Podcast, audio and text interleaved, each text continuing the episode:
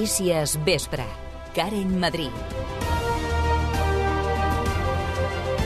El cas de la manada de Sabadell fa un nou tom. El Tribunal Suprem ha elevat les penes dels tres condemnats per la violació múltiple del 2019 en una nau abandonada de Can Feu. Helena Molís, bona tarda. Bona tarda. Dos dels condemnats a 13 anys i 6 mesos hauran de complir 24 anys de condemna. En el cas del tercer sentenciat, passarà dels 22 als 28 anys de presó. L'advocat de la víctima, Jorge Albertini, explica el perquè d'aquests increments. Por tanto, la presencia de cinco varones impidiendo salir del inmueble a la víctima porque no es una situación suficiente intimidatoria para paralizar y anular a la víctima. Por tanto, esos sujetos son autores y no cómplices. Albertini, però, tem que aquestes penes tornin a revisar-se a la baixa amb la llei del només sí és sí. La plataforma del Solar dels Gats denuncia que el trasllat dels animals a la seva ubicació definitiva s'està retardant. La licitació del terreny programada pel febrer encara no s'ha materialitzat. Per això lamenten que serà impossible fer el trasllat a l'estiu, com s'havia previst inicialment. I en esports, nou partit decisiu per al Sabadell, el d'aquest diumenge contra el Real Unión. Mentre no recuperen els 43 minuts pendents del partit contra la UD Logroñés, els arlequinats es troben en posició de descens a 3 punts dels guipuzcoans. Aquestes i altres notícies les repassarem en la pròxima mitja hora amb el Toni González a les vies de so. Notícies Vespre. Tota la informació a Ràdio Sabadell.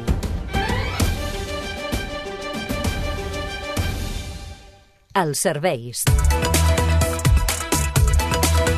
Aquesta hora situació bastant complicada a la xarxa viària més propera a Sabadell. A la C33 hi ha 3 quilòmetres i mig de retencions al seu pas per Montcada en sentit sud. A la P7 també hi ha problemes, 3 quilòmetres de cues a Barberà en sentit sud i a Barcelona trànsit dens a la ronda litoral entre Cantunis i la Barceloneta en els dos sentits i a la ronda de dalt entre Pedralbes i la Meridiana també en els dos sentits.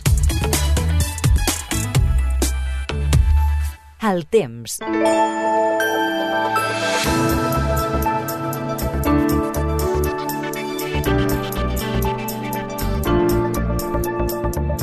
Ara mateix tenim 9 graus a Sabadell, 2 graus menys que ahir a aquesta hora. Què hem d'esperar de cara a les pròximes hores? Li preguntem a Lluís Mi Pérez. Bona tarda.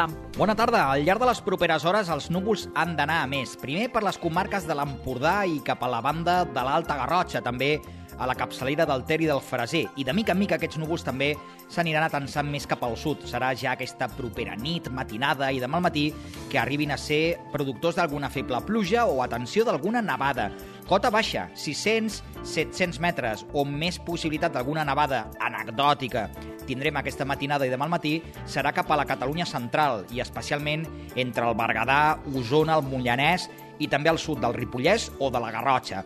Alguna gotellada, algun plogim poc destacable anirà caient fins a l'àrea metropolitana de Barcelona aproximadament i també demà més núvols a les Terres de l'Ebre, al Camp de Tarragona i a la Terra Ferma. Demà més núvols baixa una mica la temperatura, sensació de fred, per bé que demà al matí no tindrem tantes gelades com avui i demà hem de destacar que una altra vegada es tornarà a reforçar la tramuntana, sobretot a l'Alt Empordà.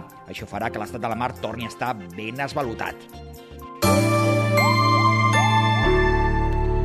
El Tribunal Suprem ha acordat elevar les penes de presó per als tres condemnats per la violació en grup a una noia de 18 anys en un local abandonat de Sabadell al febrer del 2019.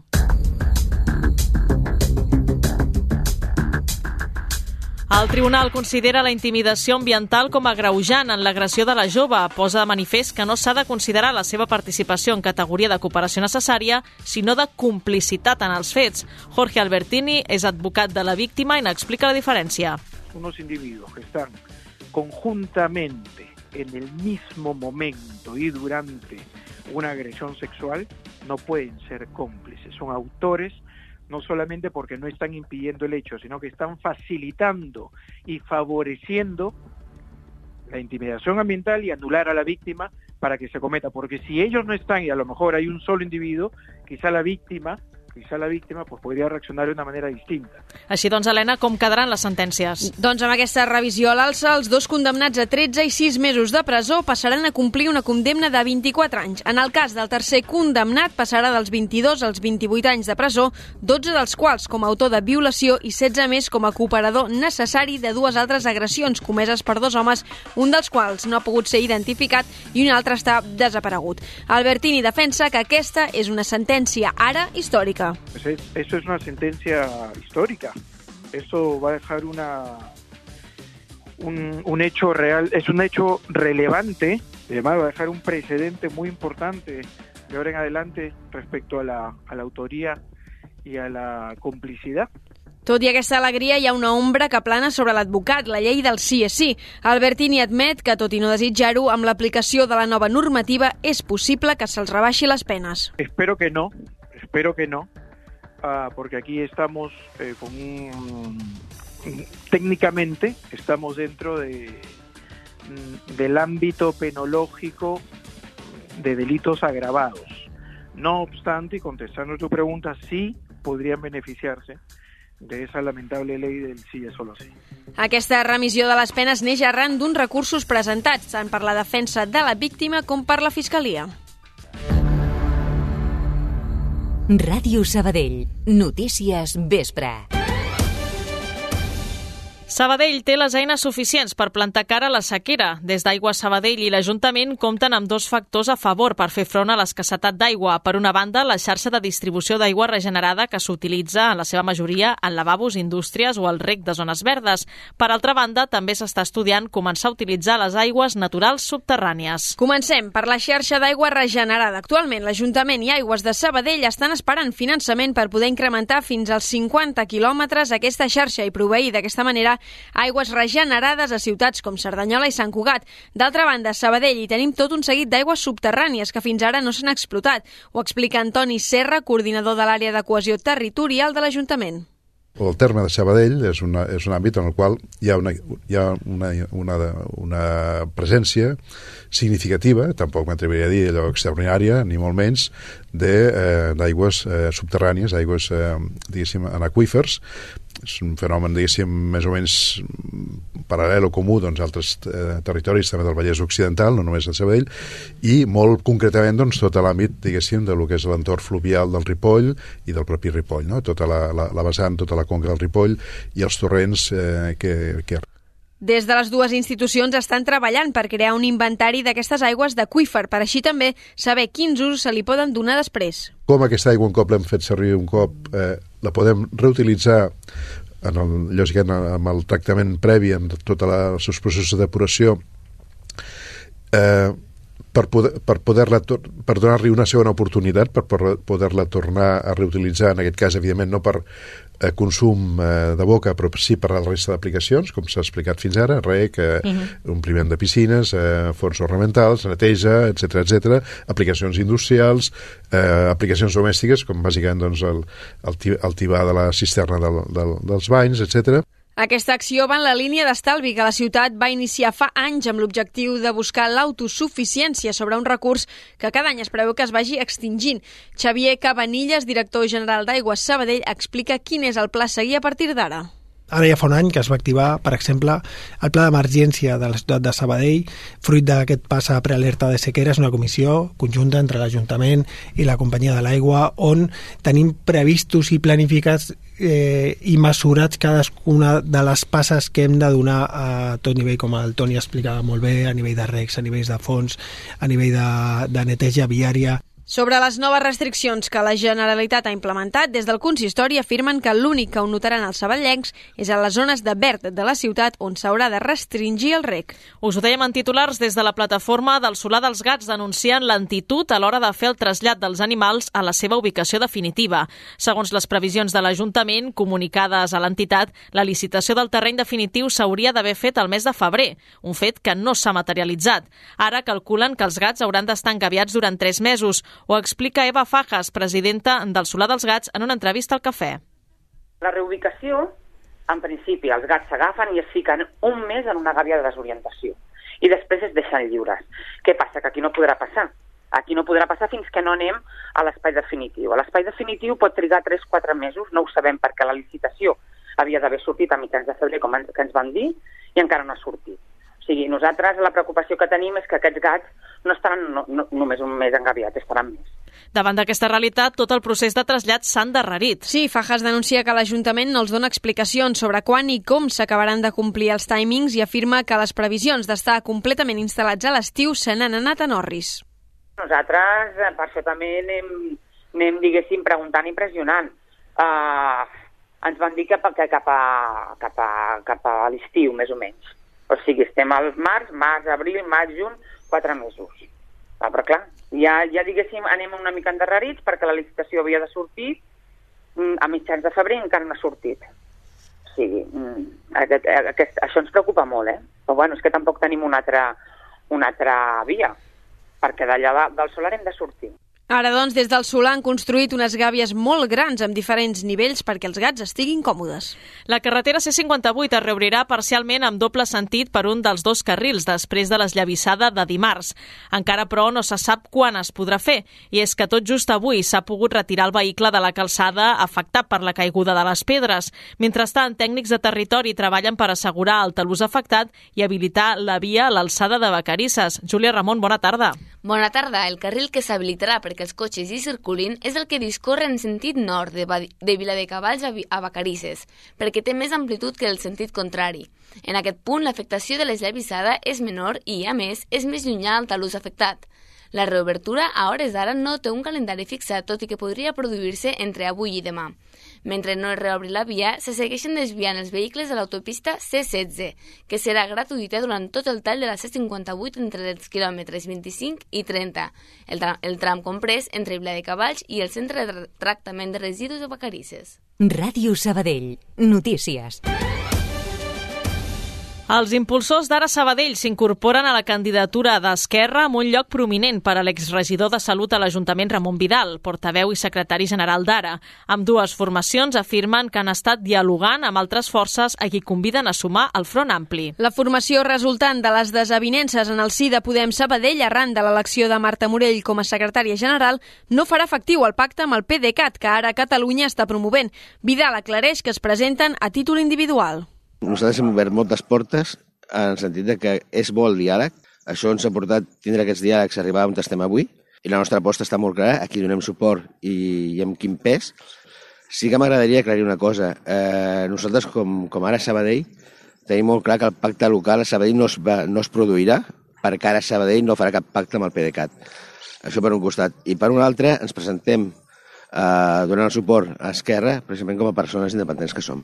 Ocuparan també altres posicions de la llista, com ara les suplències. L'alcaldable d'Esquerra, Gabriel Fernández, diu que el 28 de maig serà un plebiscit i que ara toca continuar la confecció d'un front ampli per sumar. Un nou pas més per fer realitat aquell somni de front ampli en la ciutat, de sumar a les esquerres, de pensar molt més en lo que nos uneix que en lo que nos divideix, perquè si pensem en lo que nos uneix, tindrem tot el temps del món per treballar junts. I vull agrair-li molt a aquest grup de, de persones que no són qualsevol persones de la ciutat, són persones que fa molts anys que nos coneixem, que hem estat en moltes batalles per lluitar per drets de les persones d'aquesta ciutat. A hores d'ara ja compten amb Esquerra Unida i Alternativa i l'exconvergent Sílvia Renom, que serà la número 2. Tota l'actualitat de la ciutat i comarca també a les xarxes socials. Investigadors de l'Institut de Biotecnologia i Biomedicina de la Universitat Autònoma de Barcelona han dissenyat unes nanopartícules per neutralitzar el virus de la Covid en persones infectades. Les nanopartícules basades en proteïnes fan que el virus s'hi adhereixi. Un dels investigadors, Salvador Ventura, ha explicat com funcionen en declaracions al Cafè de la Ràdio. Tenen la propietat d'autoensamblar-se per formar aquestes esperes i a la seva superfície el que tenen és eh, uns 20 eh, regions o més que són capaces d'unir una proteïna molt específica del eh, SARS-CoV-2 que és la proteïna Spike ja famosa, i eh, en unir-se aquesta proteïna el que fan és bloquejar el virus. El virus ja no pot interaccionar amb les cèl·lules humanes i queda bloquejat, tampoc pot entrar a dintre i tampoc es pot reproduir.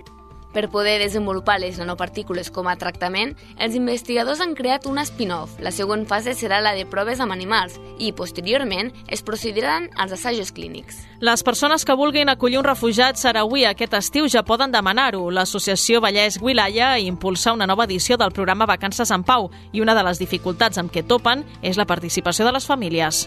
Un dels principals motius que expliquen aquesta escassa participació, segons l'entitat, és que molta gent treballa i no té dos mesos per acollir nens saharauis. Una de les vocals de la Junta, però, Antònia Fargas, subratlla que el programa és molt important perquè pot salvar la vida d'aquests nens que sobreviuen en camps de refugiats. Que tenen perforacions d'oïda per la sorra del desert, que tenen um, petites coses, paràsits a l'estómac, que tenen coses que aquí per nosaltres és el dia a dia que es curen amb res i allà ells pateixen moltíssim. Llavors, aquestes famílies que es necessiten molt perquè aquests nens puguin venir aquests dos mesos, potser els està salvant la vida.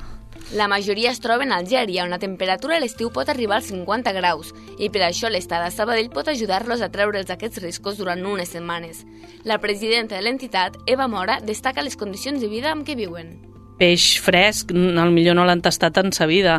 O sigui, si els arriba algú de menjar, alguna fruita, alguna, alguns plàtans, algunes fruites sí que les coneixen, altres no. O sigui, veuen bàsicament de les ajudes humanitàries. És per això que Vallès Wilaya llença una crida a la ciutadania perquè els sabadellencs participin al programa Vacances en Pau. Fargas va acollir una nena durant 4 anys i explica quina era la reacció de la saharaui veure una rentadora que dona voltes, se seien en una cadireta allà a la rentadora, a veure que la, la, la rentadora dona, dona voltes, vull dir, o, o veien, per exemple, recordo anar, anar d'excursió, sí. perquè abordava molt d'excursió, i, i caure't un tros de pa a sí. terra, agafar un tros de pa, fer-li un petó, els interessats ho poden fer a través de la seva pàgina web, on hi ha totes les adreces de contacte.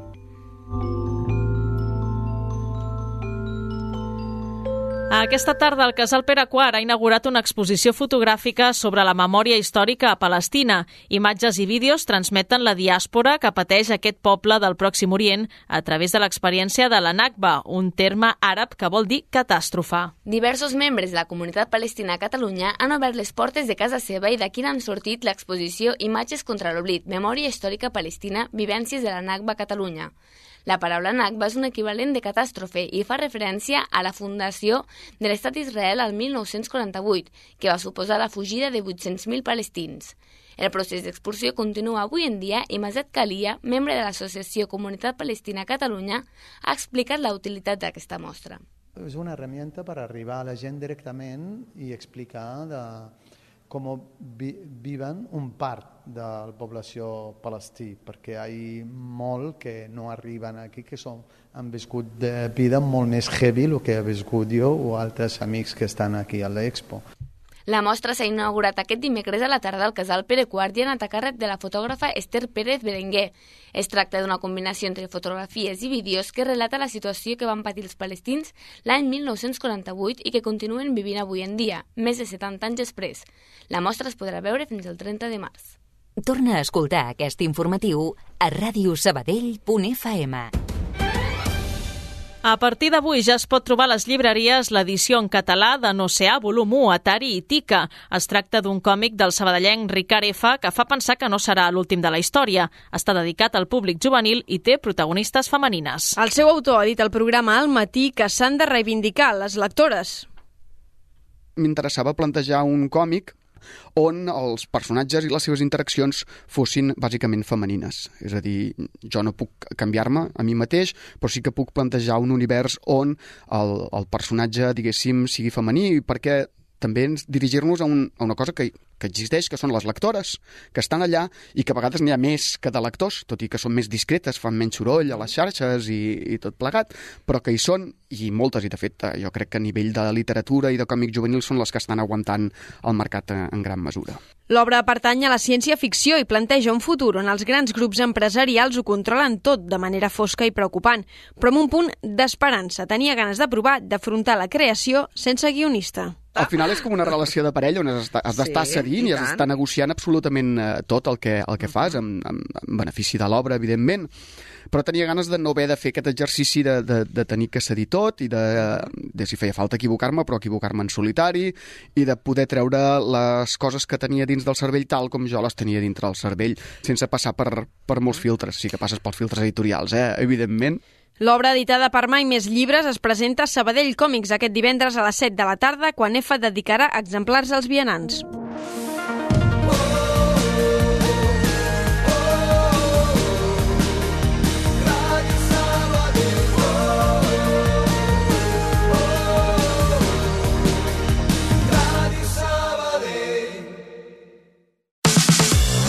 Coneixes l'app de Taximés? Descarrega-te-la i reserva un taxi còmodament des de la nostra app. Més informació a taximesapp.com. Taxi!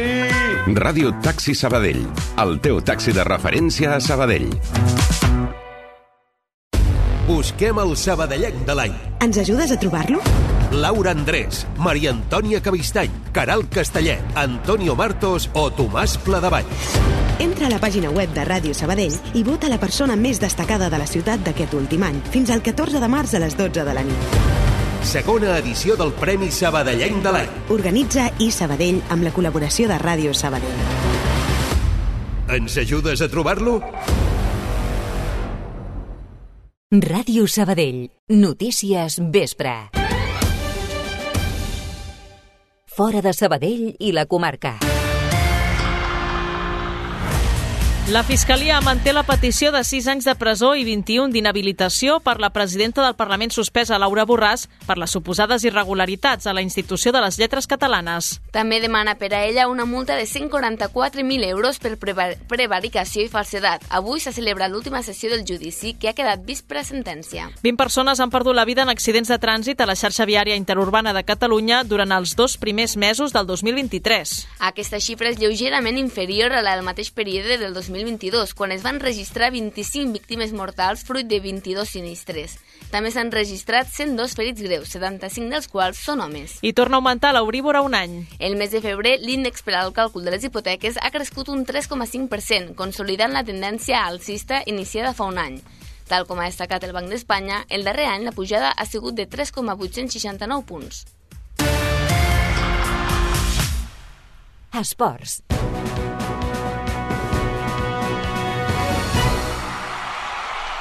El duel a l'Estàdium Gal contra el Real Unión serà de nou decisiu per al centre d'esports. Sergi Par, bona tarda. Bona tarda, Karen. Amb la segona part pendent de recuperar contra l'UD Logroñés, el conjunt arlequinat és en descens a 3 punts dels guipuscoans, que marquen la salvació. I aquesta circumstància romandrà fins que no hi hagi nova data per reprendre el partit contra la UDL amb 1-0 a favor momentani. Al club agrada la idea que es pugui disputar entre el partit a casa davant el Barça Atlètic de finals de mes i abans de visitar el Sanse, però de moment no hi ha res oficial. En tot cas, pel golejador Pau Víctor, el fet d'haver jugat un partit menys que la resta no els ha de condicionar. A nosaltres ens hagués agradat acabar el partit. Eh, per sort, pues, eh, de moment tenim, tenim els tres punts, de moment encara queda mitja part pràcticament, eh, però això no canvia res. Eh, sortirem a, a Real Unió a Irún a guanyar, a buscar els tres punts, a, a intentar sortir del descens i, i bueno, a tornar a, a sumar de tres que crec que, que ja toca. Un Pau Víctor, recordem que és el gran referent de l'atac arlequinat, sent el màxim golejador i assistent de l'equip. El futbolista cedit pel Girona diu que se centra només en el Sabadell i no en el futur prometedor que li espera. El meu representant parla de tant en quant, eh, sé que òbviament m'estan seguint a mi igual que estan seguint a l'Àlex Sala o, o a tots els altres cedits, però no, eh, jo personalment no sé, no sé res, no he parlat amb ells, estic molt centrat en el Sabadell, en acabar molt bé la temporada i de cara a l'estiu doncs ja, ja parlarem del futur. Avui l'equip ha tornat als entrenaments amb una sessió a Sant Oleguer. Si no hi ha cap sorpresa, Juanmi Carrion i Isma Tuman continuaran sent baixa per lesió.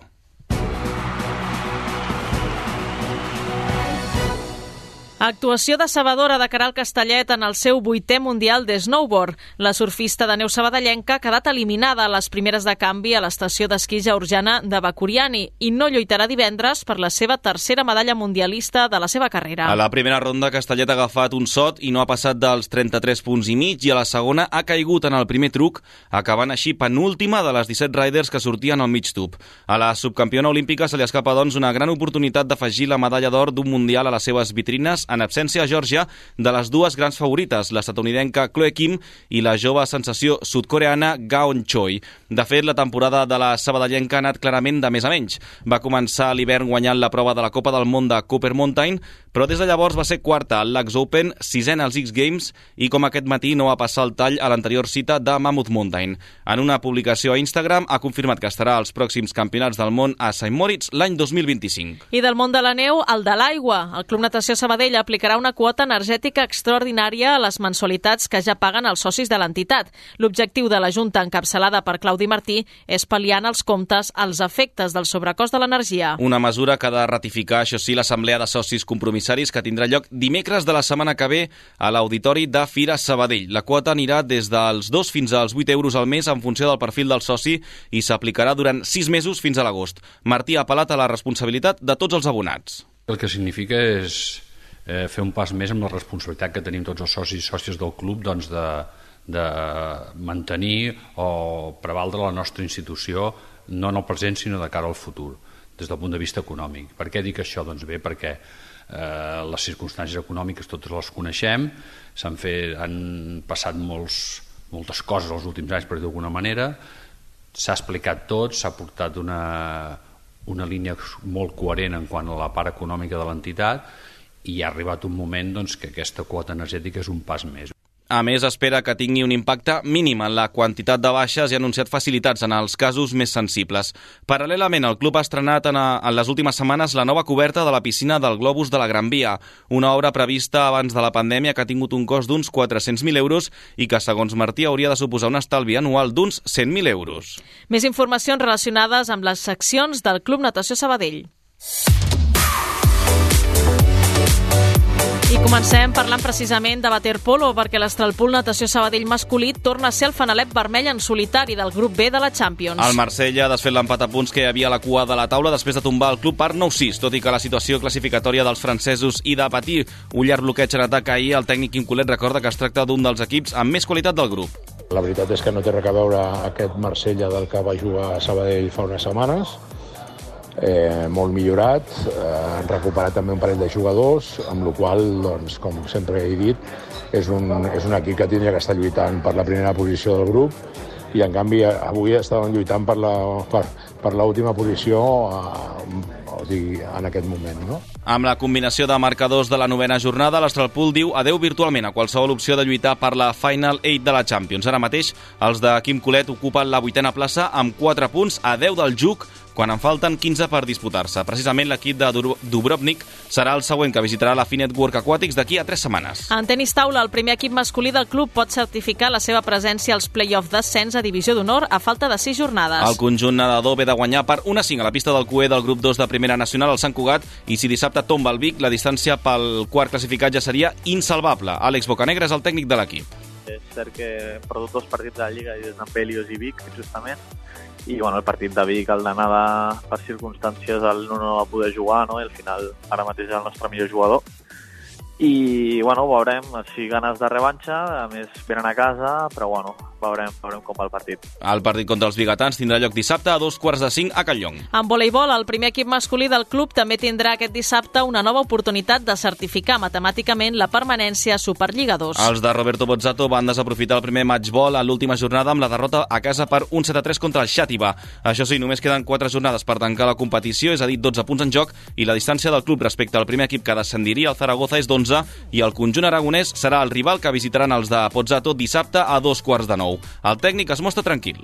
Des de fa temps no estic preocupat per, el, per la classificació ni per la puntuació, estic més preocupat per, per el nostre joc i per, eh, bueno, per poder posar els joves i poder dar minuts que no han jugat fins ara. I el femení, per la seva part, va caure pel mateix marcador, un 7-3 contra el CC Lleida i continua a la zona mitjana-baixa de la classificació de la Primera Nacional. Diumenge a les 12 del migdia, les de Xavi Perales visiten el líder Ramon Soler l'Hospitalet. I en bàsquet, duel directe a la zona alta de la Copa Catalunya masculina amb la visita als pavellons del Club de l'Olesa. Segon contra tercer i separats per dues victòries amb avantatge pels del Baix Llobregat. Arnau Sanaús és jugador nedador. Ens estem passant bé a la pista i i això, i som un grup de, de gent que entre nosaltres ens portem molt bé i tal, i no sé, anem fent, la veritat. Poder al principi de temporada tampoc ningú s'imaginava que estiguéssim allà dalt, però bueno, ara que hi som, pues, aprofitem i, i anem fent el nostre joc. Dissabte a tres quarts de sis començarà el partit. Els de Jonathan Ramírez encadenen sis triomfs seguits després de passar per sobre del Mollerussa 58-88. Gràcies, Sergi. Bona tarda. A tu, Karen.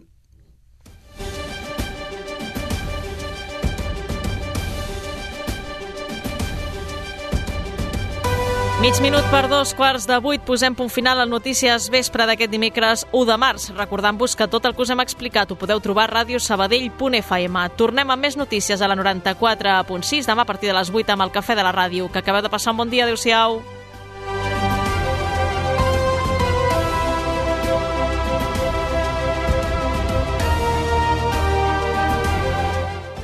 Allà on siguis, escolta'ns online. En directe.radiosabadell.fm